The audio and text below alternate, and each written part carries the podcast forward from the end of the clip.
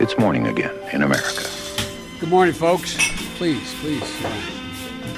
Come on, let's go. Let's go get some coffee. Thank you very much. Det er torsdag 11. juni, det er 145 dager igjen til presidentvalget, og morgenkaffen er servert. Det blir en kort episode, for jeg er ute med en ny eh, utgave av 2020. Denne uka så går da 2020 dypere inn i debatten om politireform, og hvilke utfordringer i politiet og rettsvesenet som er aktuelle i debatten etter drapet på George Floyd. Anbefales, så sjekk den ut etter denne korte utgaven av Målkaffen. Aller først, USAs sentralbank anslår at arbeidsledigheten vil ligge på rundt 9,3% ved slutten av 2020. Bernie Sanders uttaler at han har et bedre forhold til Joe Biden enn Hillary Clinton, og det forventes at det republikanske partiet flytter landsmøtet i august fra North Carolina, som ikke vil garantere et arrangement uten koronaforhåndsregler, til Jacksonville, Florida, en avgjørende delstat i høst.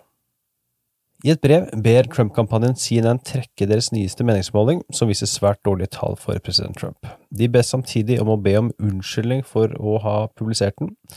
Målingen, omtalt tidligere denne uken i Morgenkaffen, viser at Trumps popularitet har sunket til 38% i approval og 57% i disapproval, samt at Biden nasjonalt har en ledelse med 14 prosentpoeng over Trump. CNN avviser den juridiske forespørselen, de gjorde de umiddelbart, og CNN har sagt at de står ved målingen. Trump tvitret for sin del at han har engasjert et firma til å analysere CNN-målingen. Flere andre målinger utført av andre aktører finner imidlertid tall som samsvarer med CNN. En fersk måling fra annet Gallup finner at Trumps approval rating er på 39% et fall på 10 prosentpoeng på én måned. I tillegg viser en måling fra Reuters og Ipsos at Biden leder med 46% mot Bidens 38% Trump-kampanjen hevder på sin side at CNN-målingen er et forsøk på å undertrykke velgere og ødelegge momentum og entusiasme for presidenten. Og til slutt i dag, Washington Post rapporterer om samtaler blant prominente replikanere som frykter at Trump vil ødelegge for partiet.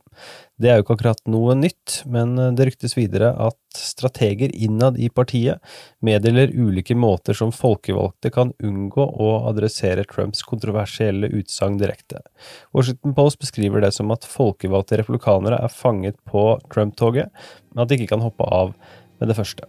Du kan lese mer om det på amerikanskpolitikk.no i dag, i tillegg til eh, det vi har om valgkaos i Georgia. Dagens utgave av Morgenkaffen er servert av Ingrid Sofie Stangeby Wendsel og undertegnede Are Togflaten. Og nå syns jeg du skal sette på 2020.